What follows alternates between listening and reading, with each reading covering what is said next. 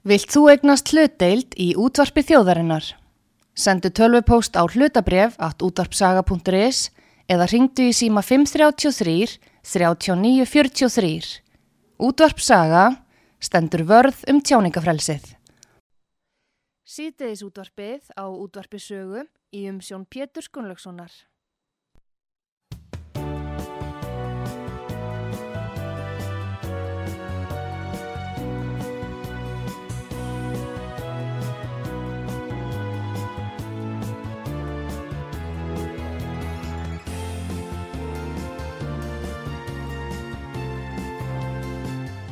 Góðir eh, hlustendur, þið er að hlusta á útvarp sögu, ég heiti Pétur Gunnlaugsson og gestur minn í þessum þætti er Magnús Þór Hafsteinsson.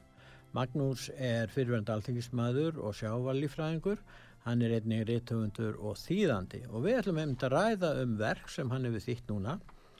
Og eh, það er eh, bók sem ber heitið Vítislogar, heimur í stríði 1939 til 1945 þar að segja síðari heimstyrjöldin eftir Max Hastings, velkomin. Já, takk fyrir það. Og Þetta er glæsilegt verk og, og af hálfu er Ugla sem gefur þetta út Já. Ugla útgáfa og, og glæsileg bók og hérna nú ég ætla kannski að spyrja, byrja að spyrja þig um, um Max Hastings. Hver er þessi maður sem hefur fengið mjög góðar og glæsilegar umsagnir um þessu bók Max Hastings eða Sir Max Hastings hann var aðlaðar fyrir einum tíu árum síðan. Fyrir bókina Nei, fyrir, fyrir störf sín sem frettamæður og Já. bladamæður, reitstjóri hann er mjög þekktur í Breitlandi, mjög virtur. Uh, hefur starfað alla sína tíð sem bladamæður og frettamæður hann var fyrir BBC mjög lengi sjómanfrettamæður Mm. uh, sjálfsagt í útvarbeitni líka.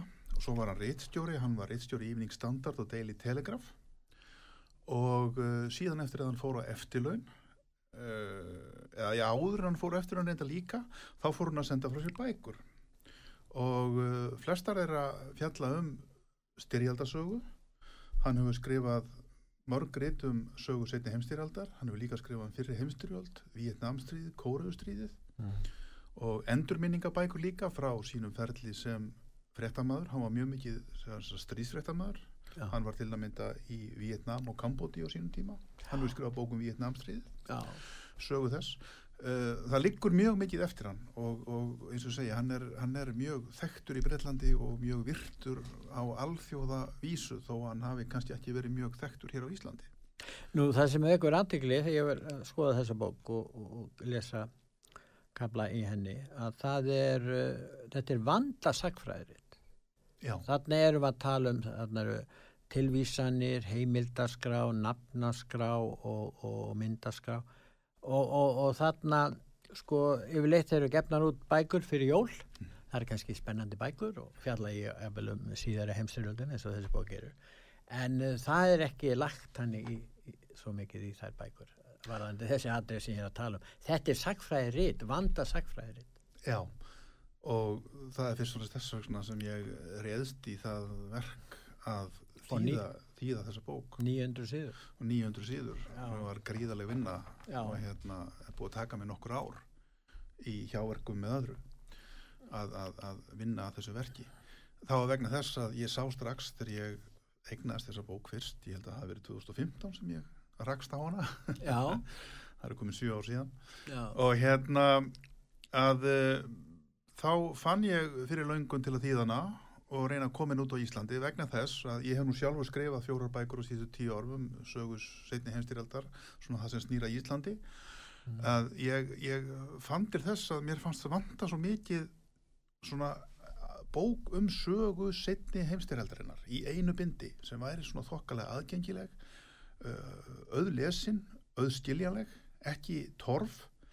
Og, og, og þegar ég sá þessa bók og það hugsaði mér, hér er bókin komin þessa bók langar mig til að færa íslensku þjóðinni og. En þú þekkir þetta tímabil mjög vel. Ég- já, já. Og, og það eru þetta mjög margir íslitingar, ekki bara lærðir sagfræðingar og mentamenn, heldur líka almenningur, sem hefur þetta mjög mikið áhuga á þessum, já, merkilegasta, var það þannig, um, atbyrði bankisónar. já, já, Það er einlega eftir að segja að þessi sex ár þarna hafi verið það. Og Íslendinga gera sjálfsagt margir lesendur gera mikla kröfur Já, býst ég við. Er- já, og fólk er að horfa í sjónvarpi það er mjög mikið fjallað um þetta í þáttum Mhm. þar.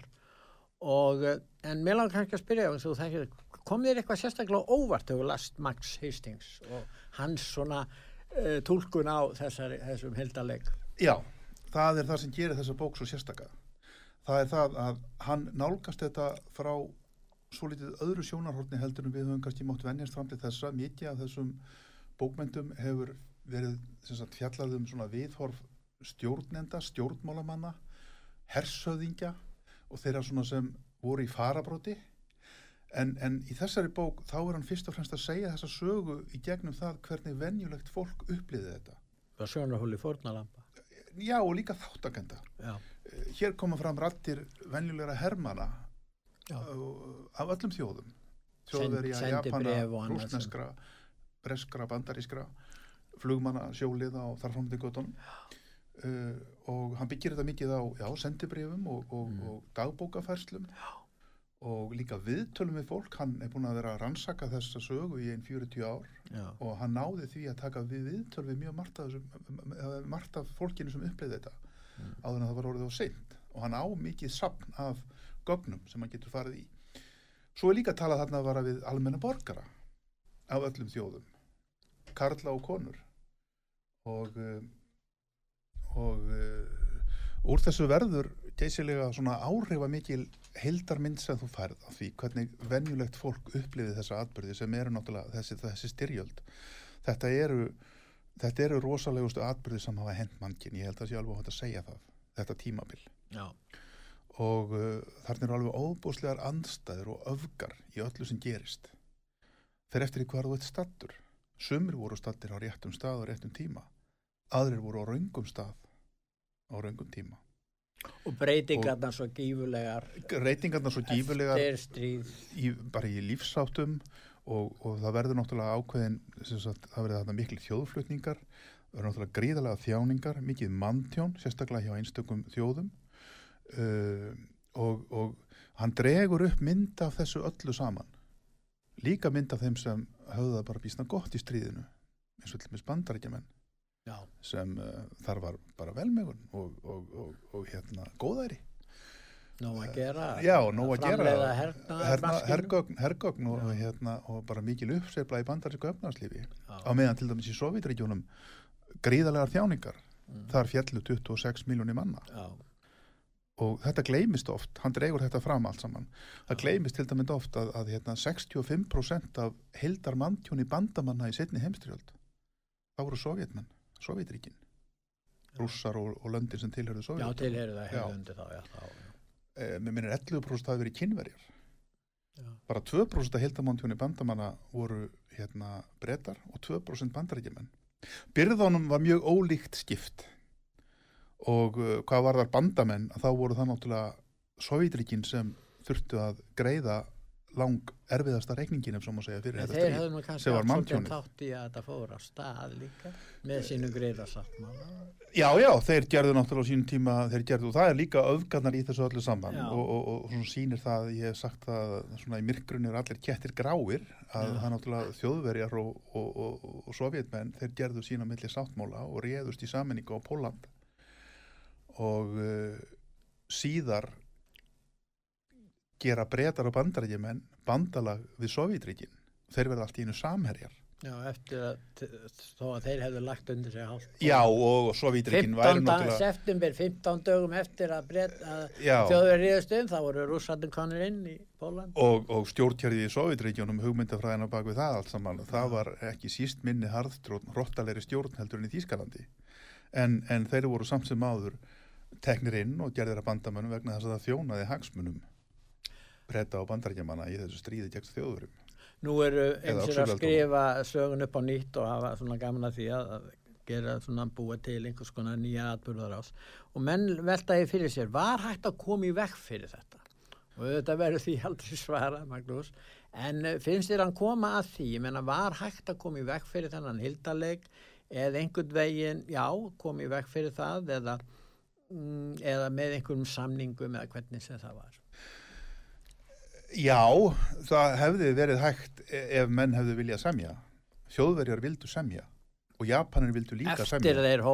Eftir að þeir hófu stríðið, Já. þeir, það, þeir, þeir fóru í þetta stríð til að koma sér í samningsstöðu, Mm. til að styrkja sína stöðu og þjóðverjar leggja undir sér nánast alla Evrópu og þá byggust þeir við því að menn myndu vilja semja við þá. Mm. Japanir lögðu undir sér nánast allt kyrrahafið og þeir byðu bara eftir því að bandara ég um tæmi og, og, semdu við þá. Mm. En menn vildu ekki semja. Var líst, því var bara líst yfir að við heimtum skilirisleisa uppgjöf.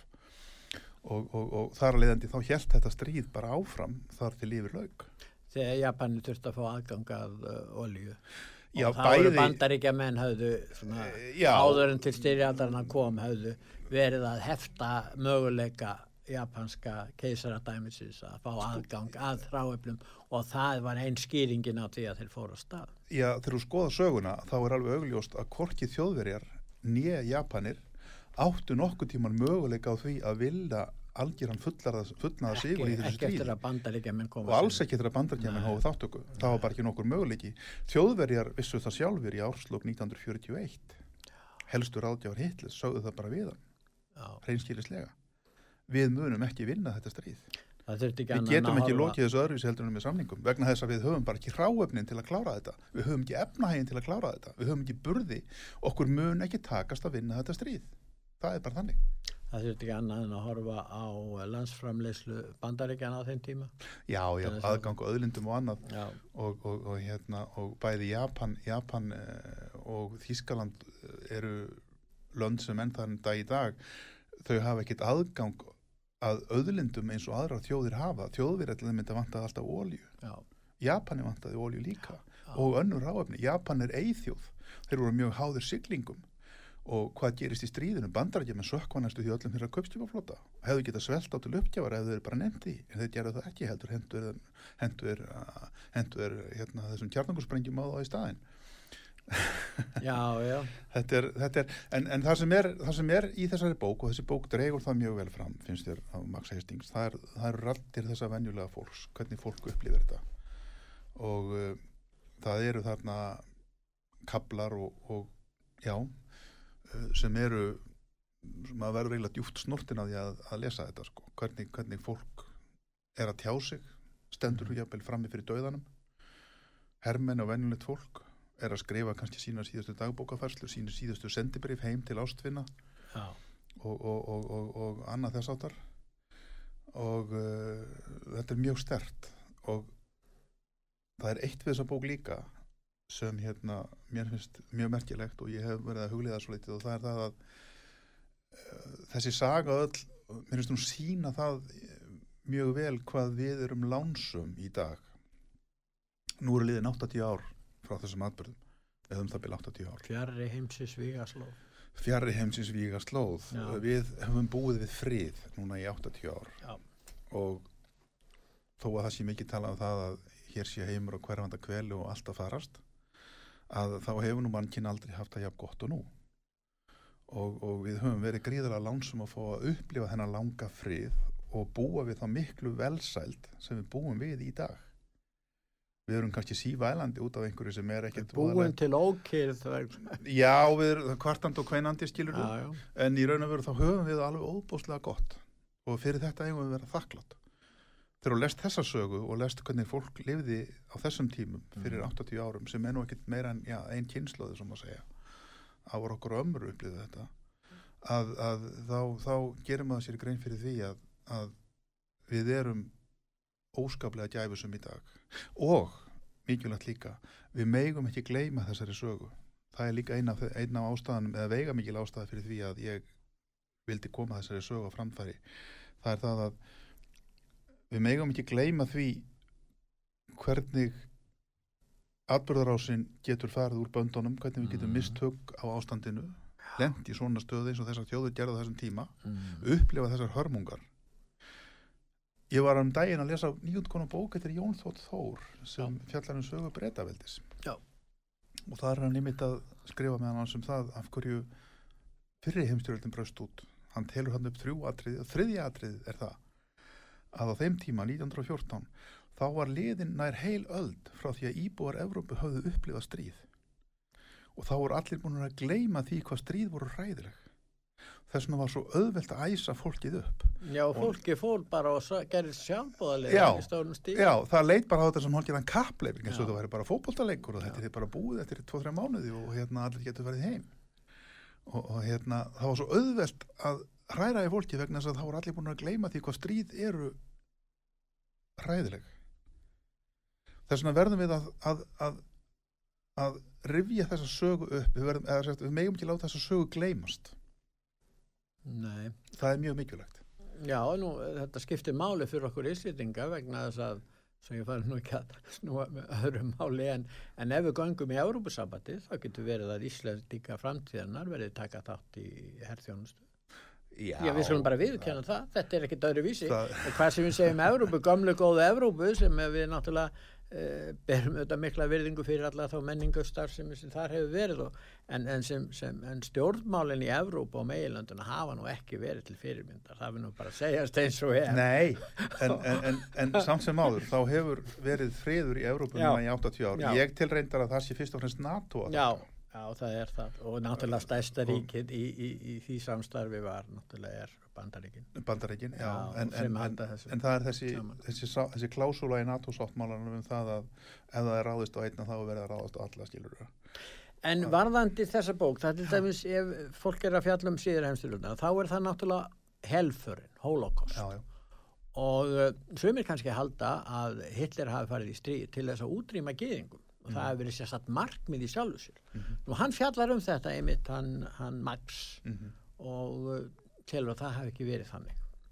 Hann er að reyna að sjá, sko, hann hefur skrifað um helförin út frá sjónamiði bandamanna og, og þeirra sem eru fórnarlömm, en líka í þessari bók ræður hann um helförina út frá sjónamiði þjóðveri, já, hvernig þeir lítu á þetta. Já, já. og, og hvernig nú, nú, þannig að það er svolítið aðtiklisverð upplifun að sjá þetta Mhm. að, að, að uh, í raun og veru var baráttan um það var um völd og landvinninga og landsfæði og aðgangamörk og já. sem er reyndar ennþá í gangi Það er í raun og veru alltaf hinn raunverulega ástæða á bakvið allar styrjöldir. Það er, það er baráttan um flutningaleiðir og baráttan um aðgengi að öðlindum. Svo klæða menn þetta í alls konar hugmyndafræðilega búninga til að finna sér til ástæður til að fara í stríð. En þetta er oftast það sem er undirliggjandi. en Hitler var þetta búin að afsækja uh, hérna, geðinga en uh, það er ekki fyrir að stríð er orðið að veruleika þá er farið að útrýma fólki Já, á skipulaða átt og það má kannski segja að uh, maður vitum ekkert hvernig þetta í stað að öðru leiti en, en þarna gerist þetta þannig að uh, styrjöldin það hefði skipt verulegu máli ef það hefði verið hægt að koma í vekk fyrir þessa styrjöld og en það fór nú svo Já það fór nú svo. Um, uh, Nasistarnir voru náttúrulega mjög rótafengnir og það er náttúrulega heil, bók, heil kapli í bókinni bara um helfurina fyrst og myndist á hana. Já, hann skrifa nú heila bók um, um, um, um helfurina hann, þessi Max Hastings Nei, hann, hann, hann hefur skrifað eina bók um hann, Apocalypse, heitir það ekki? Jú, það, það, það, það er bók sem fjallar um hérna, síðustu daga uh, Já, en það var ekki ríkisins á- og þar um kemur hann Auschwitz. inn á helfurina Já, já, í þeirri bók já, en, en, en, en, en uh, hann fjallar ítalega um, um helfurina og ofsóknirnar Já. og öðrum minnlutahópum í þessari Já. bók hérna og Já. eins og þú segir, hann rekur ástæðar fyrir þessu og, og, og lýsir því hvernig þetta byrjar og hvernig þetta vindur upp á sig mm. uh, og, og uh, þetta er svona eitt af þessum svona brjálaðislegu þáttum í þessu stríð og sýnir það kannski hvernig atbyrðinir hvernig sko stríð uh, virka og fara eiginlega einhvern veginn að vinna samkvæmt einhvern veginn Þá sínum- verða allir villimenn. Það verða allir, já já, það verða allir meira og minna villimenn sko. Og, og hérna en, en þjóðverarnir voru sínu verstir. Bæði hvað var það gýðingan og líka það hvernig þeir til dæmis uh, litu á innrásina í Sovjetríkin þar sem þeir ætluðu Sérstaklega, það var náttúrulega öðruvísi þegar ég er í Holland þar ætluðu- eða- já, eða, eða, eða Sovjetríki Sovjetríkjanum, þar afmennskuðu þeir Já. Sovjet, Sovjetmenn veru. Og þeir uh, voru búinir að reikna það út eða ætluðu sér það reynlega að taka allan mat frá þessu fólki og færa þennar mat, þessi matvæli til Þýskalands eða til sinna þeirra sem Já. voru þeim þóknanleir þeir ætluðu reynlega að svelta fólkið í hel. Já, og, og hérna þetta, var, þetta er alveg ótrúlega kaldrefjað og mikil grimd í þessum, öllum þessum Það er fyrirætlunum. og að sé einhver vísindaleg útreikningur. vísindalegur Þetta var vísindalegur útreikningur. Sem, sem að þeir vinna ákveðna áætlun Þetta var, sem þeir vinna markvist já, já, þetta var mjög kaldrifjað eins og dæmis innráðs þjóðverið í Sovjetríkinum sín tíma. Þeir ætluðu að þeir ætluðu að veita Sovjetríkinum slíkt gríðrætt högg að þeir myndu reynlega vinna þann sigur sem þeir ætluðu að vinna er eitthvað sagt þvinga Stalin til samninga eftir að þeir væru búinir að leggja undir sig kortforðabúrin e, í Úgrænu, Kvítarúslandi og síðan ná ólilindunum líka. Og þeir ætluðu að veita og vissu það að þeir myndu veita sovjísku hagkerfi það því lít feikna högg að sovjetminn yrður hreinlega að gefast upp og ganga til samninga eða, En það var líka forsenda fyrir þér gætu sigur að hafa aðgang að þráefnum Já, já. en þetta mistókst, þetta tókst Nei, þetta mistókst. og, og, hérna, og þar að liðandi þá, þá hérna, var þeim ljóst í áslokk 41 að þeir myndu ekki vinna sigur í þessu stríði vegna þess að hagutölurnar sögðu það einfallega að, að það væri ekki hægt. En villimennskan hún var víða og til dæmis ég var alveg að kaplan hann um Singapur Já, og, eh, og þann voru brettar sem fóru mjög illa út úr þeim átökum, voru með miklu öflugulega lið en öflugulega lið heldur jafnvel Japanir voru með en Japanum tókst með, með að, að, ná þarna þessari eigu eða þessari þarna þessum skaga og, og hérna. En það er lýsing af því hvað Churchill hverju, hver, hvað orðsendingarna sendi til sín, sinna yfirmanna í, í Singapur já, og þar var eh, ekkert gefið eftir. Nei, nei, hann sæði menn áttu bara að berjast til síðasta blót. Já, og ekki að hlýfa neinu. Hvorki börn eða konur og það kemur einlega fram í textanum. Já, frá Churchill sko. já. En menn voru ekki, menn voru ekki reyðubúnir til að hlýða svona skipunum. Það, það sko, einræðisþjóðunar Sovjetríkin og þjóðverjar. Já, þar var allt annar hugsunarháttur og allt annar ægi og eins og til dæmis í Sovjetríkjunum þar sem, þar sem menn mönnum var sagt að berjast til og ganga yfir sprengjusvæðin. þess vegna og eða, eða jafnvel fara óvopnaðir í átök og Já. taka bara upp riflana frá Já. þessum fjallu og nota Já, þá. Og, og, og þar var náttúrulega grímulust beitt döðarafsingum ef menn hlýtt ekki skipunum Já, bæði ég hjá lögum bara þjóðverjum og sovjetmennum og þeir höfðu þetta í sér sérstaklega, já, þjóðverjar og sovjetmenn í þessum innræðis þjóðfélögum þessi mikli ægi og þessar ströngu refsingar þetta var ekki fyrir hendi hjá vestrannu þjóðunum þar var til dæmis ekki döðarefsing fyrir liðlöp var það ekki? Nei. Nei. Nei. og bandarískir og breskir hersuðingjar það hefði verið það í fyrri já, heimsturöldinni hjá já, bandamönnum það var búið að afnema þetta Já. og, þeir kvörtuðu stundum yfir því að, að hérna hafa ekki einmitt þetta verkværi í kistunni til að beita á sína menn þegar En ég sá það nefnilega í, í viðbótasamningi við mannréttasáttmálan, það var búið að afnema döðaröfsingu Já. í aldaríkjunum, en gerðu fyrirvari það kemur til styrjaldar. Já. Þannig að mér finnst það, þannig henni ekki alveg Nei. komið út úr en í, hérna, en í hjá- þjóðverjum uh, já, þjóðverjum og, og sovjetmönnum þar voru menn um svaðalust teknir að lífi ef þeir, þeir líðnuðust ekki skipunum. Já, eða jafnvel sendir í refsiherdildir eins og í sovjetrækjunum já, þar sem voru náttúrulega bara hálfgerðar svona sjálfsmorðssveitir sko, þar sem þú áttir litla, lík, lík, litla líkur á að koma að stað. Þeir voru settir í öll verstu verkin. Svo er margt sérkennlegt í sambandi við herna til dæmis þjóðverja. Þeir voru með þessa Waffen-SS Waffensveit. Já, og hersveitir sem var, já, sko, já, hljóta að hafa í mörgu tilfellum til að lúta herstjórninni vermakt eða hernum já, en um, fóru jafnvel sína leiðir og þeir voru undir staðan fyrir þessari útrýmingu sem að átti sér stað með innrásinni í Rúsland. Þeir Mhm. settu þarna sveitirnar á þá einstaklingar, eða sérstaklega gagvart kommunistum og margir þeirra voru gýðingar já, já, og þeim var útrýmt í stórum stíl af þessum sversveitum. já, já. Þannig að um, þetta er svona, og það verður svona til einhvers konar eh, hernaðarandi hjá þessum hópi. Þetta er eins og þessi verið endurvekja einhvers konar uh, uh, stríðsaðal sem að þeir búa til. Já, svona hálfgerðar úrvalssveitir. Já, e- bara aðal, þetta er svona einhver aðalstjætt og, og meira er sagt að Himmler hafi þurft að gefa samþykki sitt menn alltaf að gifta sig. Það gengið svo langt. já, já. Ég veit ekki hvort það komið fram hérna í þessari bók. En hérna það er hins vegar mjög, mjög svo sérkjælunlegt sko. En um, eins og við töluðum um áðan þá, það sem breytist náttúrulega eftir að, að Japanir ráðast á, á, á Perluhöfnina Pearl Harbor þá, gang, þá hérna þá auðvitað, var það uppafið að uppgjöru þeirra og niðurlægingu því að bandaríkin stríð við þá þýttir hennilega að þeir átt enga von.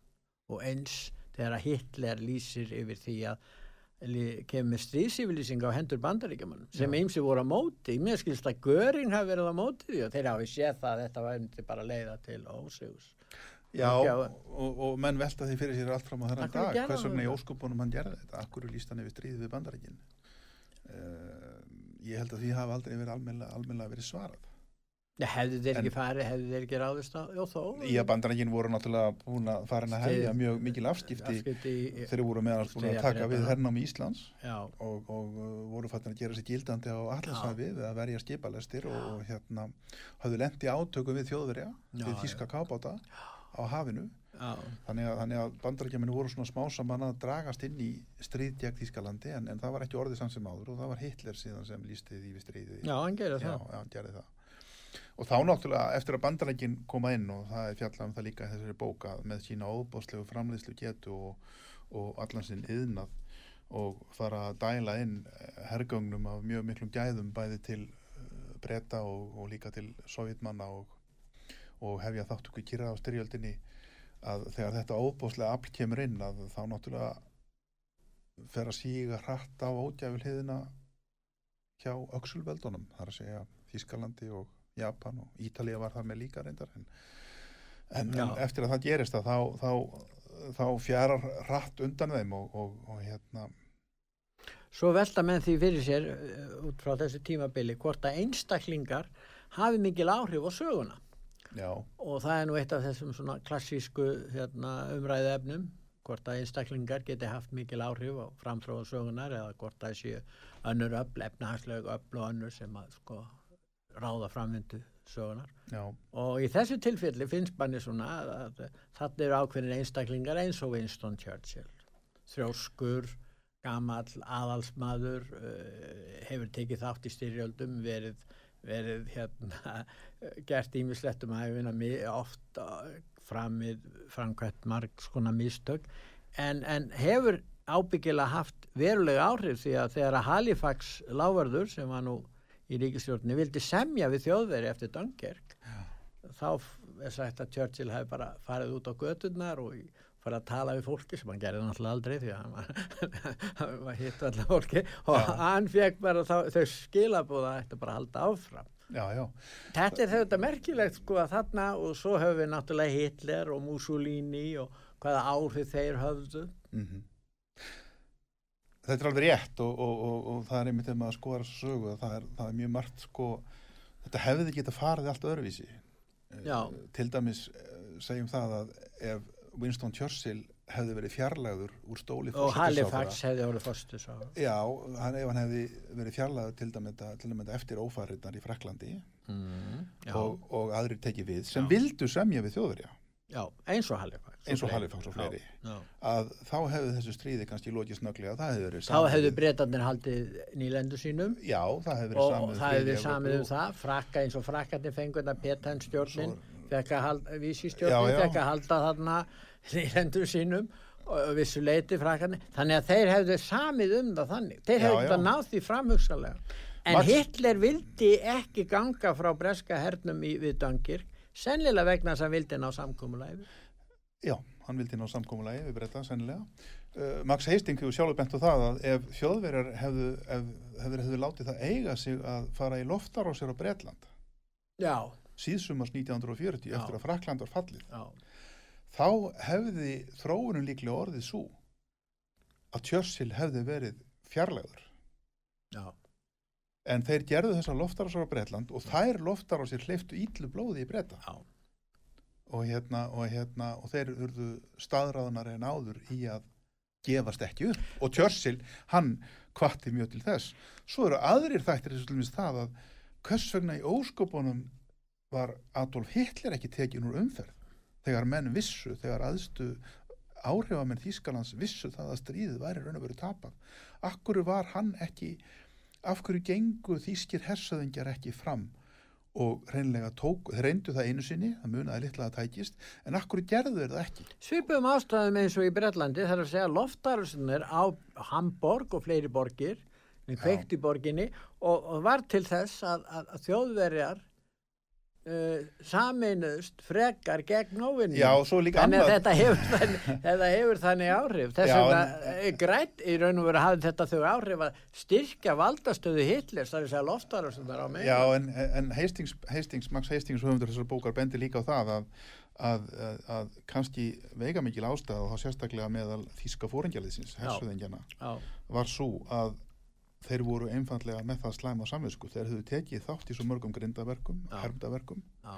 sérstaklega á austur Bara hermennir, ekki bara Waffen-S. Nei, SS bara almennir hersöðingjar. Að, að, hérna, að þeir, þeir óttuðust, þeir óttuðust uh, sem sagt, um afdrif sín Já. ef Hitler er því fjarlæður. Það var, var myndu- engin stríðsklæpa dómstóll þá Nei, nei, þá myndu kannski rússar koma eða sovjetmenn koma Já. og vilja gera upp sakirnar við þá og þar alveg þá þjónaði það þeirra hagsmunum að þetta heldi bara áfram. En hugsaði þeir ef það hefði verið fra- fjarlæga hitlir frá völdum segjum til það mynda já, 1942-43 að þá hefði mátt hlýfa til dæmis já, öllum við alveg gríðalegum þjáningum því að langmesta manntjónið varð á síðustu misserum styrjaldar já, já. Fyrri hluti stríðsins lengst af, til dæmis það fyrsta árið þá er og veru gerist ekki neitt í raun og veru. Nei. það er allt bara, Það voru ekki margi þjóður sem fjallu í innrásinni í Póland. nei ekki þannig ekki með það sem setna var Nei, ekki með nei, það sem setna var. og, og náttúrulega langmesta manntjónið verður á austurríkstöðunum Já. og yfir 90% af öllum þýskum hermönum sem falla í setni Já, þeir falla á austurríkstöðunum já, aðtöfum það. Þannig að, þannig, að, þannig að þar voru átökin langmest og þar stóðu þau lengst þar að segja hér í okkar heimsluta það var á austurvíkstöðunum Góðir hlustendur, þið er að hlusta á útvarp sögu. Ég heiti Pétur Gunnlaugsson og ég er að ræða við hann Magnús Þór Hafsteinsson sem að þýtti bók uh, Max eh, Hastings sem ber heitið Vítislogar heimur í stríði 1939-1945 og ég myndi nú segja að þetta væri mjög góð, góð gjöf, hérna jólagjöf að fyrir þá sem hafa áhuga á sagfræði og ekki bara sagfræði heldur síðar heimstyrjöldinni uh, mjög glæsileg bók en við ætlum að líða núna á öllusingar og eftir öllusingar hlýja þá höldum við umræðinni áfram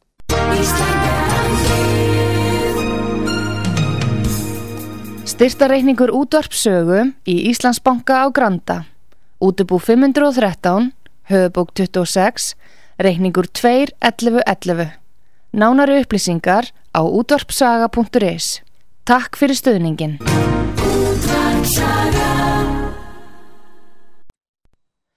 Sýteðis útvarpið á útvarpisögu í umsjón Pétur Skunlökssonar.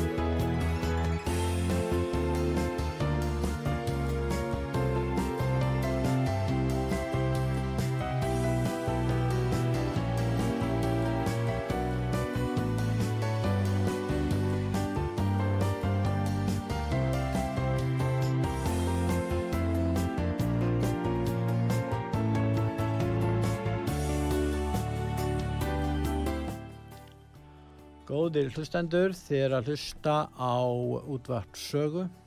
Ég heiti Pétur Gunnlaugsson og gestur minn í þessum þætti er Magnús Þór Hafsteinsson, uh, rittöfundur og þýðandi, sjávalífræðingur og fyrirverandi alþingismadur.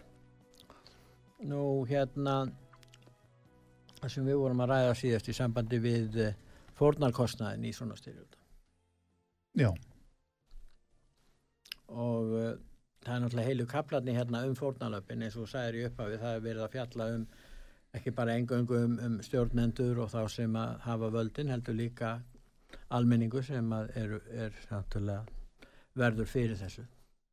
Já, og hérna og það til dæmis ef að menn svona skoða viðþór til dæmis hjá, hjá japanska keisaradæminu það er ótrúlega mannfyrirlitning gagvart öðrum þjóðum sem er já, já, og, og, og hattur sem að einkennir viðþór þeirra. Og svona fyrirlitning á anstæðingum þeir, eh, þeir að hafa þá skoðan að þetta eru tómur huglesingar og já, kynverjar og aðrir. Já. og þetta er eiginlega hattur sem þeir rækta með sér. Já, það gera þetta þjóðverðar gerði þetta náttúrulega líka, þeir, þeir afmennska alltaf anstæðingin, þeir byrja alltaf á því. Að, að, að þetta eru varla En mannlega ef við lítum til dæmis á að þegar þjóðverðar komið til Noregs og Mm. Danmerkur Mm. þá eru þeir náttúrulega ekki að koma fram við Dan og Norðmenn eins og Japan er koma fram við, við, við, við kynverja Nei, nei, nei, nei, skilur það er svolítið munur þarna á. nei, nei, en þjóðverðar hins vegar komið mjög illa fram við sovjetmenn Já, það, þar kemur það aftur þar kemur það aftur og hérna. Þannig að, já, já, þannig að, að hérna og svo er náttúrulega eins og segir hjá, hjá þjóðverum hérna hattur sem verður þar. Nú Ítalía, hún, hún er auðvitað fellur inn í þetta en, en svona lýsingin á uh, Ítalíu og í raun og veru er Ítalía fátakt land þegar þeir fara að standa í því að reyna að uh, taka þátt í þessari styrjöld. Já. Og þeim gekk ekkit mjög vel og það eru frásagnir frá því þessari bók einmitt sko og byrt þarna eh, viðþorf til dæmis í, ítalskra hermana Já, uh, hvað þeir eru óanæðir og uh, hvernig þeim finnst þetta stríð og þetta brölt allt saman vera tilgangslítið sumum hverjum, svo eru aðrir sem eru eldheitir fasistar og, og hérna en það var munur á ítölskum fasistum og, og þjóðverjum. Já, já, er þeirra stefnunni því að uppalega voru margir gýðingar sem stuttu fasistana á Ítalíu þeir, þeir stuttu þá en margir þeirra en, en síðan breytist það síðan krafðist Hitler að þess að, að Ítali færi að ofsækja gýðingan í stórum stíl sem þeir fóru svo að gera já, já. Og, og, og ítalir voru ekkit endilega sko alltaf, sko, að ítalskur almenningur virtist ekki alltaf endilega vera sko fylgjandi þjóðverjum að Nei. til dæmis eru lýsingar á því þessari bók að, að þegar pólskir hermenn sem voru að flótta frá Póland eftir að Póland hafði gefist upp, kom til Ítali og það var þeim fagna sem hetjum, þeir höfðu verið að berjast í þjóðverja. Og það var rópað Bravo Polónia já, enda þegar að, að þeir ráðast inn í, í bandamenn ráðast inn í, í Sikilei og komast inn, á, inn til Ítalíu þá, þá uh, fagnar almenningur. Já, já, komu bandamanna langflestir. Já, og þarna því til dæmis, já, já, því ég líst einmitt sko hvernig stríðið á Ítalíu var, hvað það var langmynd og erfitt. Og, og eftir að, eftir að banda mér ráðast inn á Ítalíu skagan, það eru mjög góða lýsingar á því hvað, og hvernig þær hörmungar allar bytnuðu á óbreyttum borgurum, ítalskum borgurum sem já, þurftu að líða mjög miklar þjáningar undir Já. stríðandi fylkinga og sprengju árásum stríðandi fylkinga. Já, og, hérna, og það er á mörgum stöðum komið inn á það einmitt í þessari bók hvernig almennir borgarar þurft að þjást. Til dæmis hérna lýsingar á bæði lofthernaðinum gegn Breitlandi þegar þjóðverðar voru að gera loftarásar á Breitland og síðan loftarásarnir á, á, á Evrópu og Þískaland setnaði stríðinu þegar bandamenn hefja sína loftarásir já, og síðan náttúrulega loftarásarnir á Japan. Já, sem enduði með því að kjarnokkursprengjunum var varpað á Hiroshima og Nagasaki Nú, uh, þeir gerðu það, þá kröfu bandamenn að, uh, að þjóðverjar að, uh, að gæfust upp, skilurslaus uppgjöf, það var krafa þeirra já, já. og hérna þá spyrir mér, var nokkuð annað hægt að krefjast annars í í þessum heldaleg? Nei, sko, þjóðverjar voru náttúrulega á vissan nátt búin að grafa sér sína eigin gröf með sínu háttalegi og sinni framkomu. Mm. Uh, En það þetta kannski- stríð á mikilli grimd og svo grimd breytist yfir hinnan skepnum Það myndu kannski þjóðverið að tískir her, hersöðingar myndu kannski segja já, kannski eh, meiri líkur á því ef að þessi kraf er ekki lögð fram að þá, þá gætum við uh, að tekið völdin frá Hitler og hans klíku.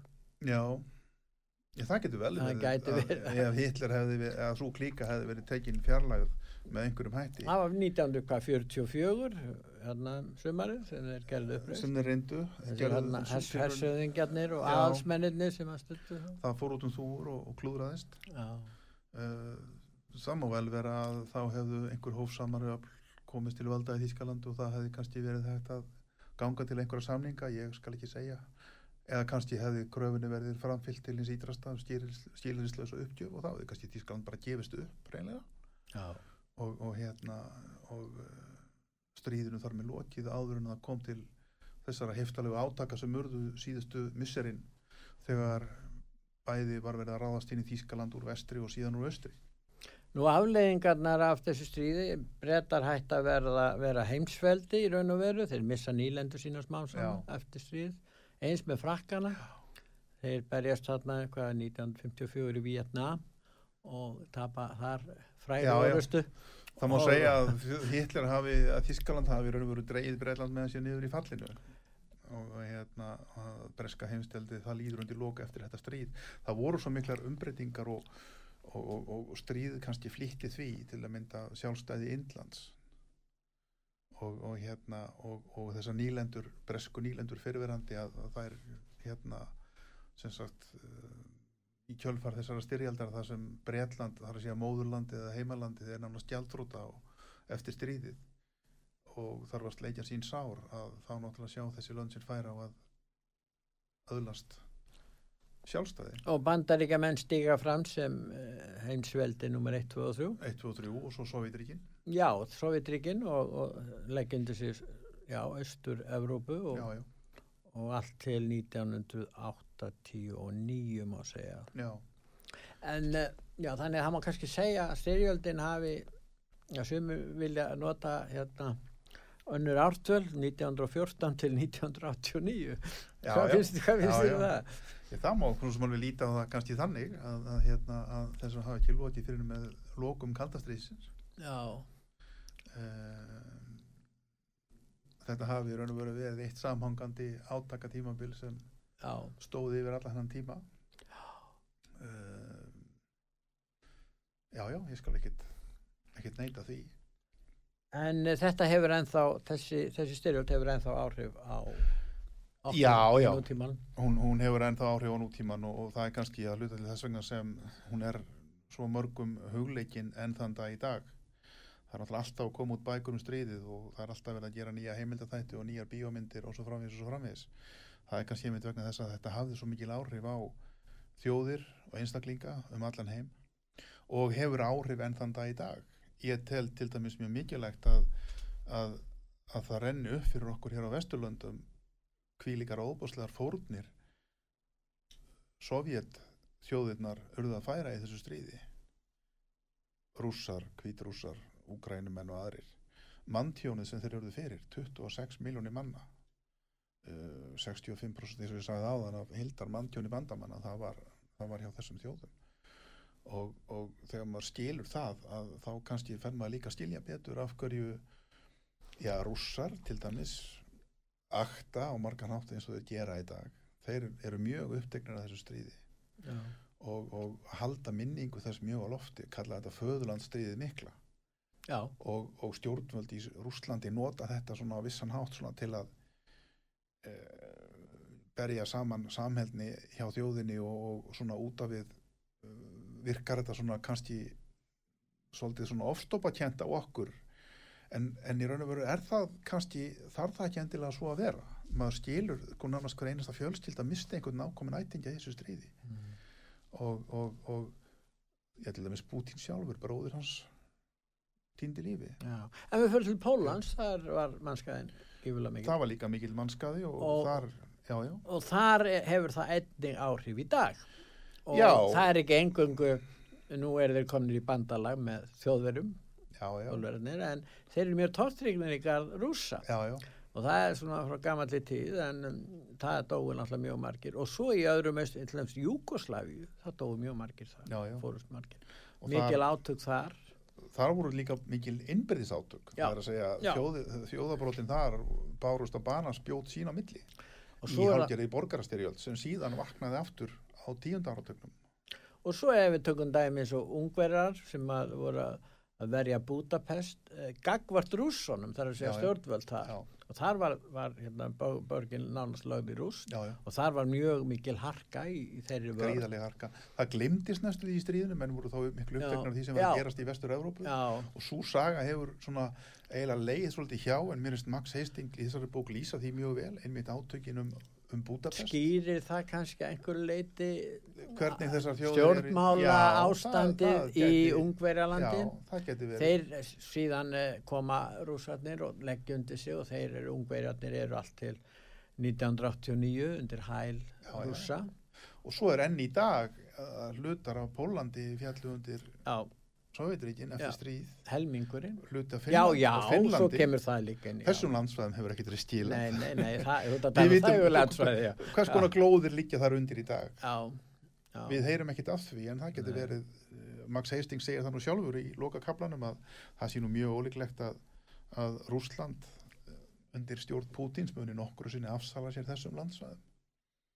Nei, nei en, en, en En það er líka þannig að þegar þú talar utaríkistefna eða, eða segjum varnarstefna, öryggismálastefna Rússlands í dag, hún alltaf mótast að því að þeir vilja ekki að Úkraina og Hvítarússland verði hluti af NATO. NATO og Vestur-Európu stefnun í Vestur-Európu vegna þess að þetta eru ríki sem eru svona uh, eru ákveðin hindrun og liggja að þeirra landamæri og, og, og uh, það er náttúrulega, þeir horfa til Napoleons og já, Hitler. þeir eru mjög brendir á styrjöldum. Já, og ég held að við ættum að við þurfum að skilja það held ég. Já, skiljum finnst við mættum líka fyrst við erum að nefna þetta við Já. mættum líka sína þessum þjóðum meira þakklæti heldur en við gerum fyrir þeirra framlag í setni heimstyrjöld því eins og ég bent áðan á að, að, að þessar þjóðir voru látnar taka lang þingsta rekningin, blóðrekningin það er að segja urðu fyrir langmestu manntjóni hundruðum þúsunda, jafnvel miljóna mannslífa Mm. var hlýft á Vesturlöndum vegna þess að slagurinn var tekin á Östurvíkstöðunum já, þetta tengdist líka hérna þessari fyrirlitningu sem að uh, þíska herstjórnin og, og nazistarnir höfðu gagva slavneskum þjóðum. Já, já, og það þess vegna var miklu auðveldara fyrir þá að koma illa fram við þessar Illa þjóðir og- og- heldur en til dæmis við frakka. Já. það er til dæmis aðtíkisvert að menn er nú að segja þegar þeir þetta hernám þjóðverja var á sínu tíma að það var engin anspyrnurheyfing í Fraklandi fyrir en að, að, að uh, franskir kommunistar skipulöðu anspyrnurheyfinguna eftir að þjóðverja réðust inn í Rússland. Já, þannig að frakkarnir margir frakkar stuttu þjóðverja. Frakkar, já, já, margir frakkar stundu þjóðveri og börðust á mikill heift gegn, gegn hérna breytum já, og Max Hastings einmitt bendir á það í þessari bók og, og, og hann hefur líka bent á það að stríðið sagar sittni heimstýraldar í Fraklandi er enn þann dag í dag svo umdild Já. að frökkum hefur ekki enn tekist að gera þessi mál upp og skrifa til að mynda sakfræðiverk um þáttöku Fraklands í setni heimstyrjöld vegna að þar er allt í háa lofti. Já, en vísistjórnin hún var stutt af frönskum mentamönnum og rítöfund Já, mjög mörgum. Voru nú teknir margir að lífi Já. eftir stríð og hérna þannig að frakkarnir voru mjög sko, það var þjóðin var klófin þjóðan var klofin og líka mjög ítla farin. Það var náttúrulega óbort þetta áfall fyrir sjálfsmynd fransku þjóðarinnar hvað þjóðverjar áttu auðvelt með að leggja Frakland undir sig og vinna sigur já, í mæ og júni 1940 já og En við verðum að fara að ljúka þessu, Já. Magnús, nú uh, upp á það, ef þú er nú að sölumæður og selja þessa bók, hvað myndur þú segja við hugsanlegan kaupanda? Hvers vegna ætti hann að kaupa bókina? vegna þess að þessi bók er alveg einstöki sinni röð af því að hún dregur fram rattir almennings um gerfallan heim. Alls konar fólks. Þar sem fólk lýsir því hvernig, hvernig það var að upplifa þetta. Þetta var fólkið sem dróst inn í þessa atbyrði átti ekki í sög á því sem gerðist. Þetta er ekki stjórnmálamendir sem tala í þessari bók ekki hersöðingjanir heldur hinn er almennu borgarar af öllum þjóðum. Og, og þar að leiðandi finnst mér þessi bók vera alveg einstakur vitninsbörður og það eru mjög mörg atriði í þessari bók eins og ég held ég hafi nú sagt áðan líka mjög svona eftirminnileg um, lega lýsingar og tilvitnanir í bókinni þar sem fólk er að tjá sig um það sem, það sem gerðist Er þetta ekki eina sagfræðirítið á íslensku sem fjallar í, í einu bindi um heimstyrjöld? Já, jú, það það. hafa komið, það kom nú bók út rétt eftir stríð eftir Ólaf Hansson uh, en það var náttúrulega stríðið svo nýbúið að menn voru ekkit almenna búin að átt að sá því hvað hafi gerst í raun og veru Nei.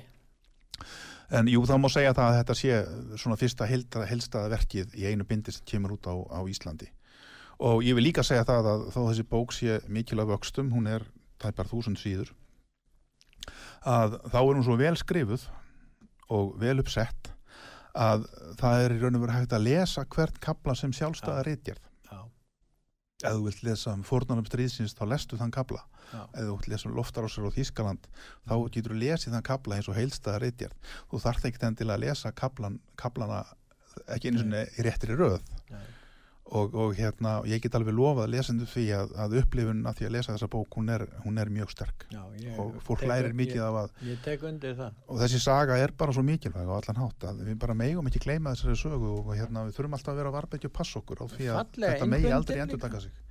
Já ég, ég, útgáfan ugla útgáfan náttúrulega Jakob Ástjesson er náttúrulega alveg frábær útgefandi og hann Já. hefur lagt uh, metnað í að Hann er þessa- já, hann er hugsunamaður í það. og, og, og, og svo verið líka að nefna það að þetta er náttúrulega svona bók, svona verk er náttúrulega alltaf hópvinna það er að segja, ég er ekki bara einn að þessu það er náttúrulega útgefandinn og það eru umbróðsmenn og, og Helgi Ingólfsson uh, sem er uh, sagfræðingur Já. Bókbendafræðingur, menturskólakennari að hann, hann las þennan texta allan yfir og fleiri gerðu það líka Já.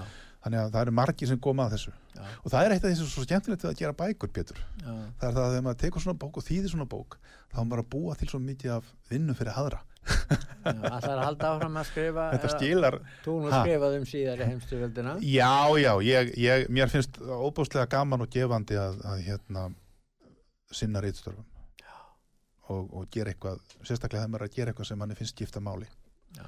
það veitir manni svona mikla hvað ég var að segja það ljóma kannski frasakjent en lífsfyllingu Já. Þakka ég fyrir að koma til okkar Magnús Takk kjærlega og ég þakka hlustendum út var sögu fyrir að hlusta. Verið sæl.